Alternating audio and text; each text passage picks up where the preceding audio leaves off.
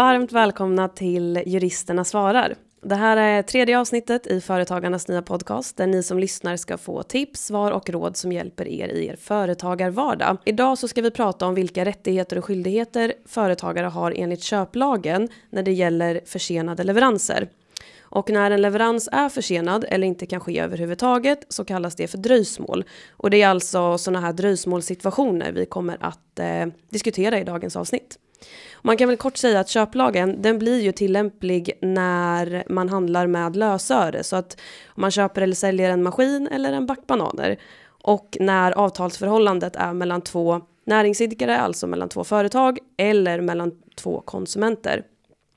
Köplagen är också en så kallad dispositiv lag, vilket betyder då att två parter kan avtala om andra villkor för vad som ska hända vid till exempelvis dröjsmål och på så sätt då frångå köplagens bestämmelser. Men har man inte avtalat om någonting speciellt så är det alltså det som står i köplagen som gäller. Och när vi eh, diskuterar och svarar på frågorna idag så kommer vi att utgå ifrån att parterna inte har avtalat om vad som ska hända vid de här specifika situationerna eller då att man i, i sitt avtal har hänvisat till köplagens bestämmelser. Jag heter Oksana Jekemenko. Och jag heter Hampus Löfstedt. Och vi arbetar som eh, jurister på Företagarnas juridiska rådgivning. Hampus, ska du eh, dra igång med eh, första frågan? Det låter som en utmärkt idé. Då kör vi. Ja, första frågan då. Hej! Jag kunde nu inte leverera en beställd glassmaskin till min kund i avtalad tid. Kan kunden nu säga att de inte vill ha maskinen längre och istället gå till en annan leverantör? Mm -hmm. Ja, så som Oksana var inne på här förut så, så kommer vi utgå från köplagens regler. Eh, och i köplagen eh, så, så har vi då regler kring hävning. Och hävning innebär egentligen att man efter en hävningsförklaring eh, så, så ska då prestationerna återgå, det vill säga att eh, säljaren får inte längre eh, rätt till några pengar och köparen har ju då inte längre rätt till leverans. Och här är ju frågan ställd så att man undrar om en kund kan häva egentligen. Mm. Eh, så vi tittar då på helt enkelt om en köpare har rätt att häva på grund av dröjsmål. Mm, och precis så, och det, det kan den ha, men vi ska titta på vilka situationer det är då. Och hävning på grund av dröjsmål, det regleras i 25 paragrafen i köplagen. Och där stadgades det att eh, man får häva köpet på grund av dröjsmål om dröjsmålet har varit av väsentlig betydelse för köparen och säljaren insåg eller bort inse detta. Man kan prata om dubbla subjektiva rekvisit. Om vi först tittar på den här väsentligheten så ska den eh, bedömas utifrån vilka verkningar dröjsmålet har för köparen. Eh, det räcker inte med att titta på att, att köparen då, kunden, tycker att dröjsmålet har en väsentlig betydelse för just, för just honom eller henne, då, utan saken ska bedömas någonstans objektivt eh, med beaktande av köparens speciella situation. Låter lite snurrigt, men med annorlunda uttryck kan man väl säga att det innebär att man eh, kanske inte ska stirra sig blind på hur den drabbade köparen själv rent subjektivt upplever sitt dröjsmål, utan istället, eh, eller sitt dröjsmål, eh, uppfattar då dröjsmålet, säljarens dröjsmål, utan istället framförallt i första hand titta på hur köpare, alltså köpare i allmänhet skulle ha bedömt det här dröjsmålet under motsvarande förhållanden då. Eh, så, så, så, så därför blir den här prövningen objektiv och ett subjektivt mm. rekvisit. Mm. Lite snurrigt, men så tycker jag man kan tänka sig. Och sen har vi det här andra subjektiva rekvisitet och det är ju kravet på att det ska vara synbart. Eh, det ska alltså vara synbart att det finns en olägenhet kan man väl säga då, för, för köparen. Det är alltså, om det alltså handlar om, om speciella omständigheter som är speciellt för just den här köparen så är det svårt för en säljare att, att se att det, att det har varit väsentlig betydelse för just den här köparen. Utan, utan eh, då, då i sådana fall, att om det är väldigt speciellt att säga att, att man verkligen måste ha den här maskinen till den dagen, mm. då bör köparen helt enkelt uppmärksamma säljaren på det för att det ska även uppnå det här synbarhetsrekvisitet. Mm. Då.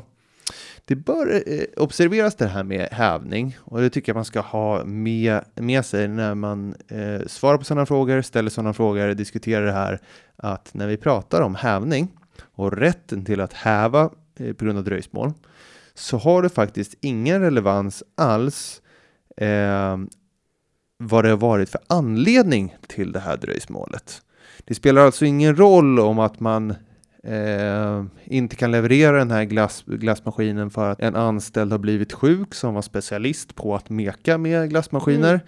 Det spelar ingen roll om ens, ens fabrik har brunnit ner eller dylikt när det handlar om just hävning av avtal.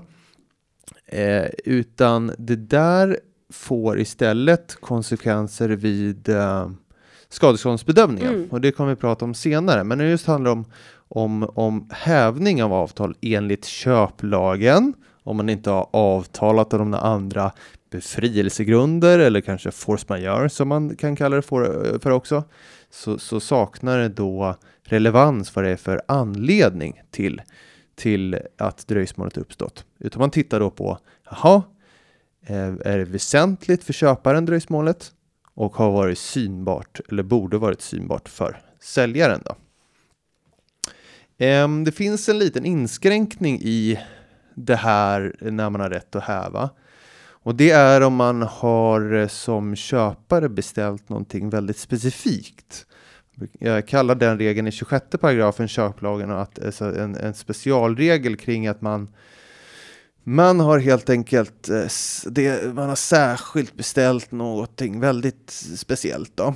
Eh, då så är det nämligen så att det kräver som en extra sak att, att köparens syfte, eh, alltså syftet med köpet för köparen ska helt väsentligt vara förfelat. Mm. Eh, för att man då ska få häva kan man väl säga. Mm. Eh, men man har varit väldigt tydlig i, i förarbetena till nya köplagen. Ja, även om den är från 90 då, men, men nya köp, förhållandevis ny, att den där ska användas väldigt restriktivt. Och de exempel man tar upp i förarbetena att, att, att det inte är alldeles speciellt att om man till ett hus har valt, alltså har beställt uh, utskurna heltäckningsmattor. Mm. Det kan man ju tycka är väldigt specifikt mm. ju, men det, det menar man är ändå inte så att man eh, att man helt enkelt eh, kan använda sig av den där inskränkningen av hävningsrätten, utan kommer man då i dröjsmål och har, eh, om en säljare är i dröjsmål, en köpare har beställt heltäckningsmattor som är utskurna specifikt efter ens 245 kvadratiga eh, villa eller vad det nu kan vara, så krävs det då eh, inte att det är så här väsentligt förfelat utan det vanliga det här väsentlighetskravet och synbarheten som vi var pratade om förut för att dröjsmål ska kunna eh, leda till hävning. Ja, åter till glassmaskinen som vanligt då. Mm. Efter att vi kommer ihåg väsentlighetskravet, synbarheten och den restriktivt använda inskränkningen om, mm specialregeln där som vi lämnar därhän just nu så kan man väl tänka lite så här att ja, eh, väsentlighetskravet för köparen eh, handlar om det här dröjsmålet att, att eh, den här brevskrivaren som, som inte kan leverera glassmaskinen kan leverera om tre dagar och det inte har någon större betydelse för köparen så, så ska ju det här kanske inte ha föranleda hävning helt mm. enkelt. Eh, men om det är så att det ska klassas som väsentlighet och synbart så har man rätt att häva. Mm. Och för att slänga in lite variabler så kan man väl tänka att ja, är det då så att, att eh, man har beställt den här glassmaskinen för att man är en ett eventbyrå, man håller inte på med glass och man ska slänga upp den här glassmaskinen på två eh, dagar på Coachella eller eh, så, så är det ju väldigt viktigt att den kommer just i den tiden. Mm. Om man då även har sagt det till försäljaren att den här beställningen gör vi till de här datumen för att vi ska driva ett visst event mm. de datumen. Så, eh, så tycker jag väl att väsentlighetskravet är uppnått och synbarhetskravet är uppnått mm. och och eh, då kan tyvärr köparen i den här situationen, eh, kunden, eh, häva avtalet och helt mm. enkelt gå och köpa den här glassmaskinen någon annanstans. Mm. Då tar vi nästa fråga. Ja, nästa fråga lyder så här. Hej, jag driver en butik som säljer byggmaterial av olika slag. Min leverantör skjuter hela tiden upp leveransdatumet. Han har hittills skjutit upp leveransdatumet tre gånger. Hur länge kan, jag, kan han kräva att jag väntar och hur många uppskjutna leveranser måste jag acceptera? Ja, okej. Um, ja, men som, som, du sa här Hampus då, så kan ju köparen ha rätt att häva avtalet om avtalsbrottet eh, då dröjsmålet är av väsentlig betydelse mm. och säljaren insåg eller borde ha insett detta. Men i köplagen så har vi också två bestämmelser, eh, en i 24 paragrafen och en i 25 paragrafen andra stycket som, som öppnar upp kan man säga för att säljaren får leverera senare än vad man ursprungligen hade kommit överens om och som då hindrar köparen från att häva avtalet trots, trots att säljaren är i dröjsmål. Mm. Och eh, den här första bestämmelsen som, ja, som öppnar upp lite för det här, eh, det har i doktrin benämnts som förseningsmeddelande. Och, och det här förseningsmeddelandet det innebär att om säljaren frågar köparen om han eller hon godkänner att den här varan levereras senare än det man hade kommit överens om från början och köparen svarar med att godkänna eller inte svarar alls på, på den här förfrågningen inom en skälig tid mm. så har säljaren alltså rätt att ta den här nya tiden på sig att leverera. Och under den här nya tiden då så får köparen inte häva avtalet på grund av dröjsmålet. Mm. Så att eh, har man accepterat dröjsmålet så får man helt enkelt då vänta på att säljaren fullgör sin prestation under den här tiden. Och den här förfrågan eh, om försenings förseningsmeddelandet då, det kan komma från säljaren både när säljaren misstänker att ett dröjsmål kommer att inträffa, men också när dröjsmålet redan har inträffat. Eh, och den här nya tiden då som säljaren föreslår, den, den måste ju avse en eh, en bestämd tidpunkt så att det räcker liksom inte med att säljaren frågar att är det okej okay att jag levererar så snart som möjligt utan det behöver vara lite mer specifikt än så, så alltså mm. en bestämd tidpunkt. Mm. Så det är den första bestämmelsen när köparen då inte får häva trots dröjsmål. Den andra bestämmelsen eh, som då öppnar upp för att få leveransen senare det är när eh, eh, som sagt säljaren är i dröjsmål och köparen känner till det här och så ger köparen säljaren en så kallad tilläggstid inom vilken då säljaren måste leverera den här varan. Mm. Och har köparen gett säljaren en sån här tilläggstid, då måste då, då, kan även, då kan köparen inte häva då avtalet under den tilläggstiden. Utan då måste man som sagt ge säljaren möjlighet då att inom de här veckorna man har kommit överens om eller vad, vad det nu kan vara, att ge då säljaren möjlighet att eh, fullgöra eh, avtalet. Och även här då så finns det ju förstås ett krav på på tydlighet för den här tilläggstiden så att köparen kan inte heller säga till säljaren att ja men du får på dig att leverera inom en snar framtid utan köparen måste också vara tydlig med säljaren för när den här gränsen är, alltså när hur långt dröjsmål köparen helt enkelt kan leverera. Mm. Så um, det behöver köparen behöver också liksom se till att säljaren förstår att det här är en definitiv gräns. Det är inte bara ett önskemål om att leveransen ska ske snart, utan det är en definitiv gräns. Det är just en sån här tilläggstid. Eh, någonting som är viktigt att tänka på när det gäller den här tilläggstiden, det är som köparen då ger säljaren, det är att den får inte vara oskäligt kort. Eh, för är det så att köparen eh, medvetet liksom ger en, en tilläggstid till säljaren som köparen vet att okej, okay, på den här korta tiden så kommer säljaren inte kunna leverera den här varan. Mm. Ja, då, då, tappar ju liksom den här bestämmelsen hela sin funktion. Mm. Eh, så att det får som sagt inte vara oskäligt kort. Och då tänker man ju direkt, jaha oskäligt kort, det här med skälighet återkommer ju i, mm. i många juridiska situationer och mm. frågor. Och i det här fallet så är det ju relevant att ställa sig den frågan, vad är oskäligt kort tid? Mm.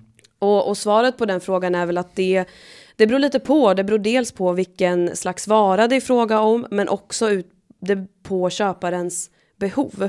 Eh, så att det kan ju till exempel vara så att handlar man, handlar man med en produkt som, som går upp och ner i pris mycket, kanske på en daglig basis, då kan ju den här tilläggstiden vara kort. Mm. Eh, medan är det så att man, man handlar med någonting som ja, som inte är lika känsligt för prisförändringar så, så kan man ju tänka sig att den här tilläggstiden bör vara något längre. Men som sagt, alltså den här bedömningen av tilläggsfristen, den ska göras då primärt utifrån köparens situation och utifrån varans egenskaper och inte utifrån säljarens kapacitet. Men som sagt med, med eh, tillägg då för att den inte ska vara oskäligt kort. Så att i, i båda de här situationerna då så får köparen alltså inte häva avtalet på grund av det uppstådda dröjsmålet under den här tiden som parterna har kommit överens om att säljaren ska ha på sig att prestera. Mm, mm. Men är det däremot så att säljaren inte levererar inom den här tiden eller kanske meddelar köparen efter bara någon dag att nej, jag, jag kommer inte kunna leverera inom de här tre veckorna som vi avtalade om.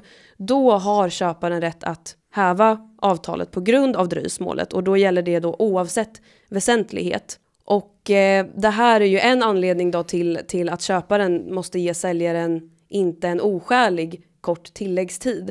För annars tänker man om man har en, en väldigt smart och, och juridiskt kunnande köpare som sagt så tänker man att nej men jag, jag vill nog häva det här avtalet men jag ger säljaren en tilläggstid på en dag och jag vet att han inte kommer kunna leverera inom den dagen. Och så säger säljaren det också att jag, jag hinner inte leverera på den här enstaka dagen jag har fått. Och då säger köparen, men bra, men då, då har jag grund för hävning. Oavsett då om det här är väsentligt eller inte.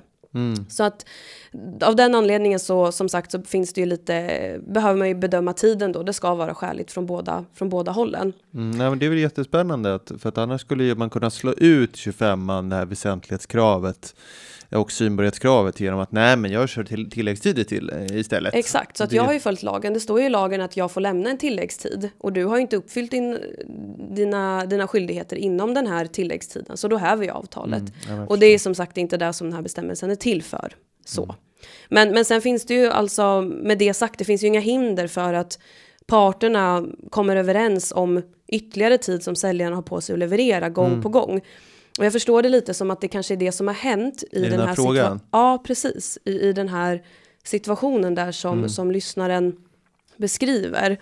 Ehm, att man helt enkelt har säljaren, det, vi vet ju inte riktigt från vilket håll den här tilläggstiden har kommit. Om det är köparen som har gett en tilläggstid eller säljaren som har lämnat ett, eh, ett eh, förseningsmeddelande. Men här förstår jag det som att köparen ändå har godkänt att säljaren då gång på gång skjuter upp leveransen. Och är det så att man har godkänt det, ja då kan man alltså inte häva avtalet under den här nya tiden som man har kommit överens om. Så att, så att för att svara på, på um, lyssnarens fråga här, alltså att inte leverera på det datumet som man har avtalat om, det är ju ett avtalsbrott eh, och det finns inget krav på att köparen måste acceptera ett visst antal försenade leveranser. Ehm, eller att man måste vänta ett visst antal gånger helt enkelt. Så att man måste alltså inte acceptera det. Men som sagt, har man gjort det och har man avtalat om, om en, en extra tid då, som säljaren har på sig, då måste man vänta och ge säljaren möjligheten att leverera innan man, eh, man går vidare och eventuellt då häver avtalet. Och sen är det ju självsagt att leverera säljaren inom den här nya tiden, ja men då har man ju uppfyllt sin, sina skyldigheter enligt avtalet och då föreligger det ju förstås inte grund för hävning. Jag förstår.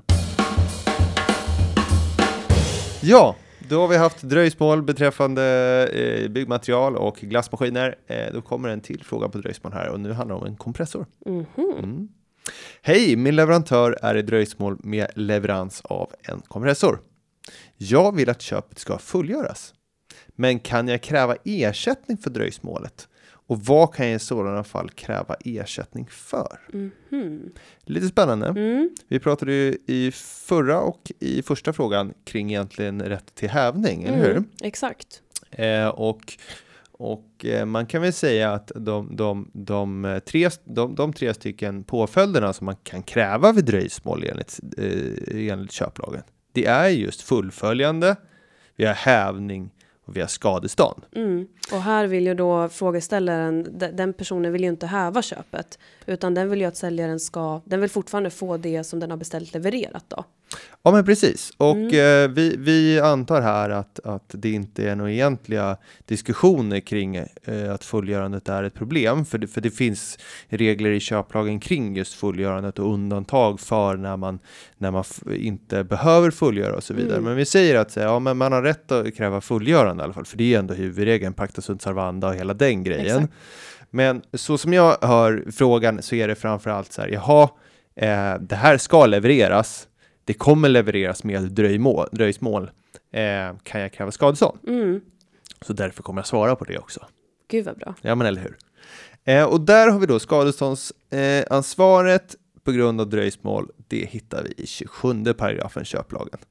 Eh, så att när han har fått sin kompressor, eller Mm. under tiden, så kan han ju flagga för att nej men jag kommer nog komma med, med ersättningsanspråk på grund av det här dröjsmålet. Eh, och där så i 27 paragrafen så står det att eh, köparen har rätt till ersättning för den skada han lider genom säljarens dröjsmål om inte säljaren visar att dröjsmålet beror på ett hinder utanför hans kontroll som han skäligen inte kunde förväntas ha räknat med vid köpet och vars följder han inte heller skäligen kunde ha undvikit eller övervunnit. Lång mening det där. Väldigt lång Ja. mening och jag skulle väl sammanfatta det som kontrollansvar. Just det. Eh, Och ett ganska strikt ansvar. Eh, och till skillnad från vad vi pratade om eh, vid hävning, där vi pratade om att det egentligen inte hade, eh, egentligen inte hade med anledningen Mm. till det uppkomna dröjsmålet, så är vi fa- faktiskt här inne på just anledning till dröjsmålet på så sätt att vi pratar om att köparen har rätt till ersättning för den skada den lider eh, beträffande då hinder inom säljarens kontroll, Mm. om vi ska vända på den Mm. negativa meningen eh, som den är. Eh, så det handlar ju om egentligen ett hinder, alltså anledningen till. Om anledningen till har varit inom säljarens kontroll så ska man kunna kräva ersättning då. Det är istället tillräckligt att den hindrande omständigheten i princip varit kontrollerbar för Mm. säljaren. Eh, och för att belysa det här så tänker jag att vi kör lite exempel istället för att eh, prata eh, fräna intresseavvägningar Mm. och, och sånt som man lätt kan hamna i. Lite, mer, lite mer tydligt med exempel då helt enkelt. Ja men exakt. Mm. Men som ett första exempel kan väl titta på att eh, eh, ja, men om en brand har uppkommit i en fabrik som gör de här kompressorerna eh, på grund av en kortslutning i ett elektriskt system som man ska underhålla och kontrollera då och då, eller i alla fall borde ha gjort då, som vi var inne på, ehm, så medför det eh, skadeståndsskyldighet. Eller man Mm. kan liksom inte gömma sig bakom att nej, men det här var utom våran kontroll, utan det ser man som är inom eh, eh, säljarens kontroll. Mm.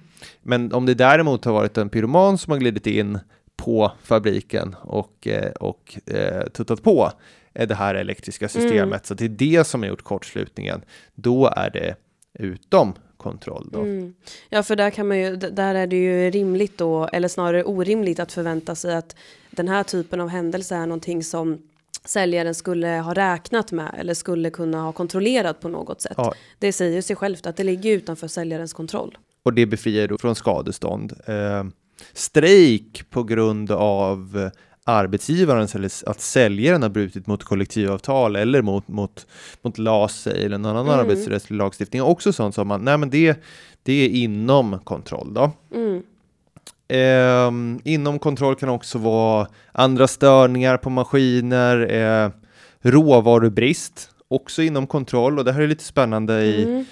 I nu när det har varit mycket komponenter och sånt där, det har varit problem på grund av corona, kanske inte råvara, men ändå, där, där har man sagt att ja, nej, men i alla fall i de svenska förarbetena, så, så att eh, det är inom ens kontroll om man har gjort sig allt för beroende av en råvaruleverantör då, Mm. eller en underleverantör av någon komponent. Då.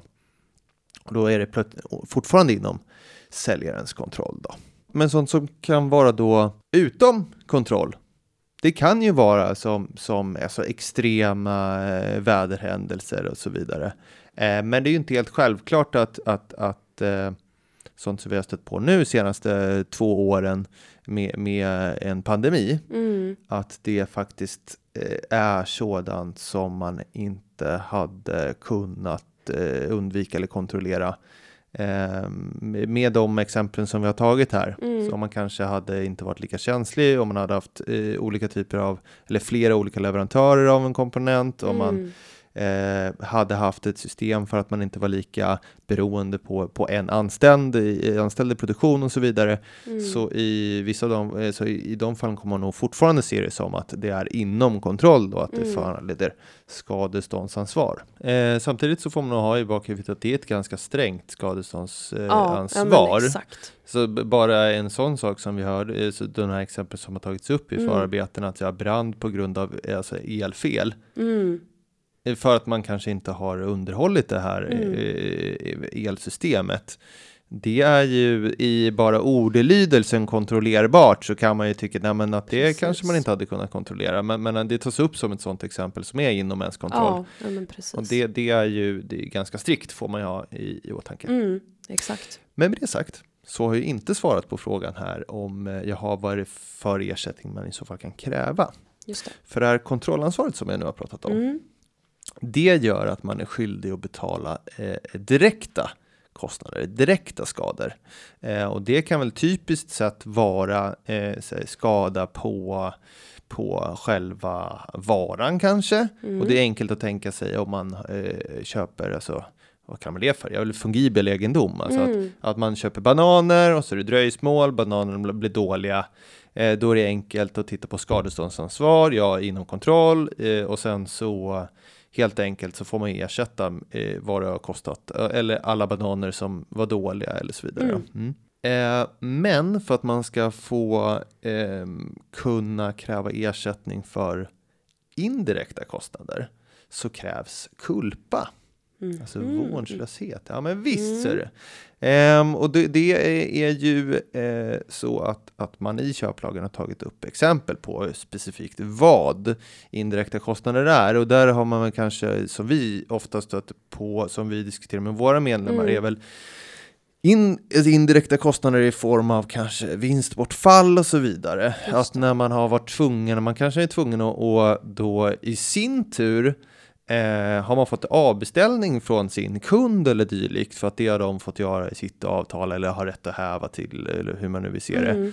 Så att man har tappat den här affären helt Mm. eh, gentemot eh, sin kund. Mm. Eller att man inte har haft den här produkten på lager då, som man hade räknat med, vilket har gjort att ja, du, du har inte kunnat sälja den här produkten och därmed inte fått någon, några intäkter på det. Ja men precis så. Eh, det är ju till och med så att, att man definierar eh, indirekt eh, förlust då, som du säger, inte indirekt skada, säger inte, men, men indirekt förlust i 67 paragrafen, att man tar upp det här med att ja, det är till exempel då förlust till följd av minskning eller bortfall av produktion eller omsättning. Mm. Och det kan ju vara om du säger att ja, men man hade då inte den här lagen så man inte kunde göra den här eh, affären som Mm. du var inne på. Så tillbaks till den försenade kompressorn. Mm. Eh, Den som har skrivit frågan vill ju fullfölja avtalet, men man vill kräva ersättning. Då får man ju titta på när man får kräva ersättning och det är ju om det är inom säljarens kontroll.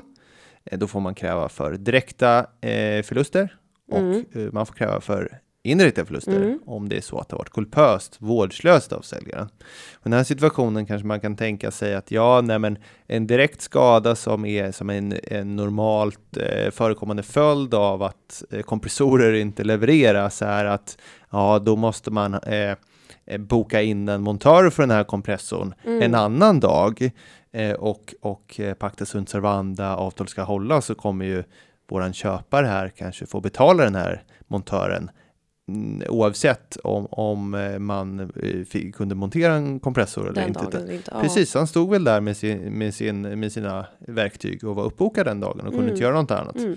Det är en sån direkt förlust som, som eh, den här kompressortillverkaren får betala om det är inom kontrollansvaret. Då. Mm. Och sen indirekt förlust eh, så krävs ju att det är kulpa vårdslöst. Och då kan man väl tänka sig att ja, säg att det här dröjsmålet som vi pratar om här som är avtalsbrottet ehm, faktiskt var något som säljaren kunde förutse redan vid avtalsingåendet. Man visste att man inte hade komponenter och så vidare. Då är det ju direkt vårdslöst att ingå ett avtal om en specifik leverans, mm. Eh, ett leveransdatum. Eh, och eh, då tänker jag men att man kanske även skulle kunna få, få ersättning för, för indirekta förluster så som att man har inte kunnat producera med hjälp av sin fabrik här som inte mm. fungerar på grund av den här eh, kompressorn mm. och att man har då haft vinstbortfall och, och minskad produktion. Mm. Då är vi ju framme vid sista frågan och eh, den är inne på, på lite det som du pratade om här nu Hampus. Eh, den lyder så här. Hej, vi har en leverantör i Kina som har meddelat oss att de har tillfälligt stängt sin produktionsavdelning på grund av corona och att de inte kommer kunna leverera det vi har beställt i tid. Mm. Vi skulle ha fått våra varor för redan nio månader sedan men kommer nu att behöva vänta ännu längre kan vi kräva leverantören på skadestånd för de kostnader som vi har haft på grund av förseningen? Mm. Och, svaret på den frågan är ju egentligen det, som, det svaret som du precis gav på förra frågan så att säga. Alltså kan man kräva leverantören på skadestånd för kostnader, direkt förlust, indirekt förlust. Mm. Den första frågan som man egentligen behöver ställa sig här det är ju om den svenska köplagen ens är tillämplig på den här situationen. För när en köpare och en säljare har sina affärsställen i två olika länder så är det ju inte självklart då vilket lands lagstiftning som ska tillämpas på en sån här tvist. Mm. Och varje part vill ju som oftast då att det är det egna landets lagar som ska användas och den egna landets domstol som ska döma ärendet. Men är man inte, är man inte överens om det helt enkelt, är man inte överens om vilket lands lagar som ska gälla så kan man behöva ta hjälp då av den internationella privat och processrätten, den så kallade IP-rätten. Och mm, kort sagt så är IP-rätten är ju en del av det svenska rättssystemet men den består av olika internationella regelverk, internationella konventioner, EU-förordningar och så vidare. Och, och, hur man gör den här bedömningen enligt de olika regelverken det kommer jag inte att, att prata om här och nu. Men det kan vara bra att känna till att det finns mm. ett sånt, sånt system och att en bedömning enligt de här reglerna ska göras och att det kan innebära att man eh, att man i en fråga om till exempel skadestånd, har man rätt till skadestånd eller inte, att man enligt det här regelverket kommer fram till att den frågan ska prövas av ett annat lands lagar.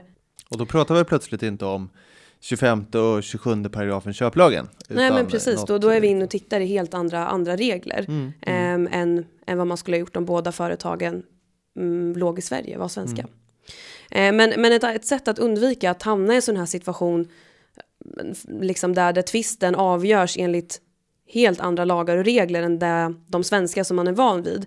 Det är ju att man direkt i avtalet mellan två parter då skriver vilket lands lagar och vilket lands domstol ska avgöra en eventuell tvist. Mm. För ja, har man ett sånt avtal så, så är båda parterna skyldiga att följa det. Så. Och eh, som, som svar här på lyssnarens fråga då om han kan kräva skadestånd från leverantören det är ju att det, det beror på eh, vad man landar i enligt den här eh, IP-rättsliga bedömningen. Mm.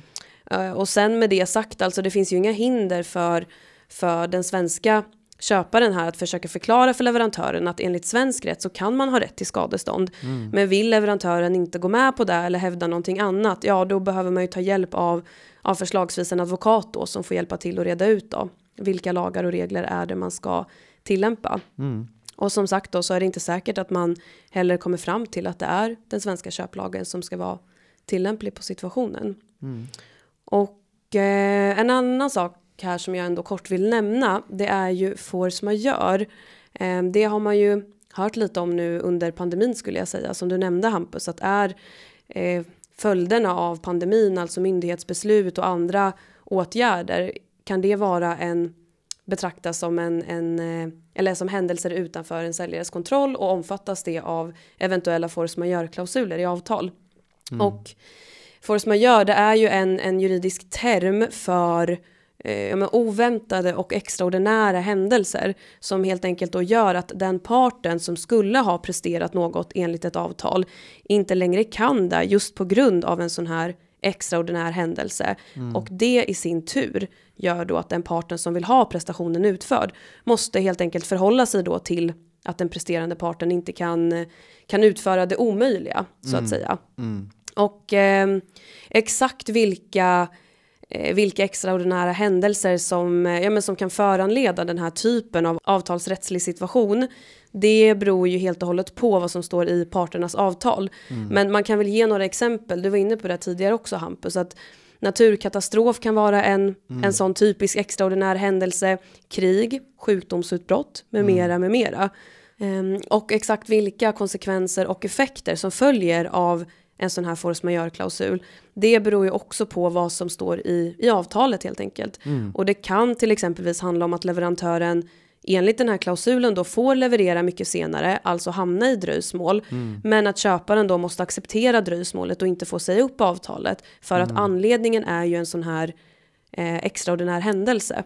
Mm. Så. Och det, det, kan också påverka rätten till vad man har rätt att få skadestånd för. Ja, men precis. Det, det mm. skulle ju kunna vara en annan konsekvens eller effekt att man har skrivit in i den här klausulen att jo, men, men köparen får säga upp avtalet omedelbart då, eh, häva avtalet om man hamnar i dröjsmål till följd av en sån här extraordinär händelse och kanske inte, men inte kräva säljaren på mm. skadestånd. Mm. Mm. Så att det där behöver man just reglera i avtalet. Det ser olika ut från, från avtal till avtal. Mm. Så att både vilka extraordinära händelser som ens kan klassas som force majeure men även mm. vilka konsekvenser det kan få behöver man reglera i avtalet. Så att jag tänker att hade man i den här situationen då med det svenska företaget och den kinesiska leverantören haft en force majeure-klausul så kanske man kan tänka sig att den kinesiska leverantören skulle ha åberopat den klausulen om pandemi till exempelvis var en sån extraordinär händelse man hade avtalat om mm. och sen då de effekter som följer av det.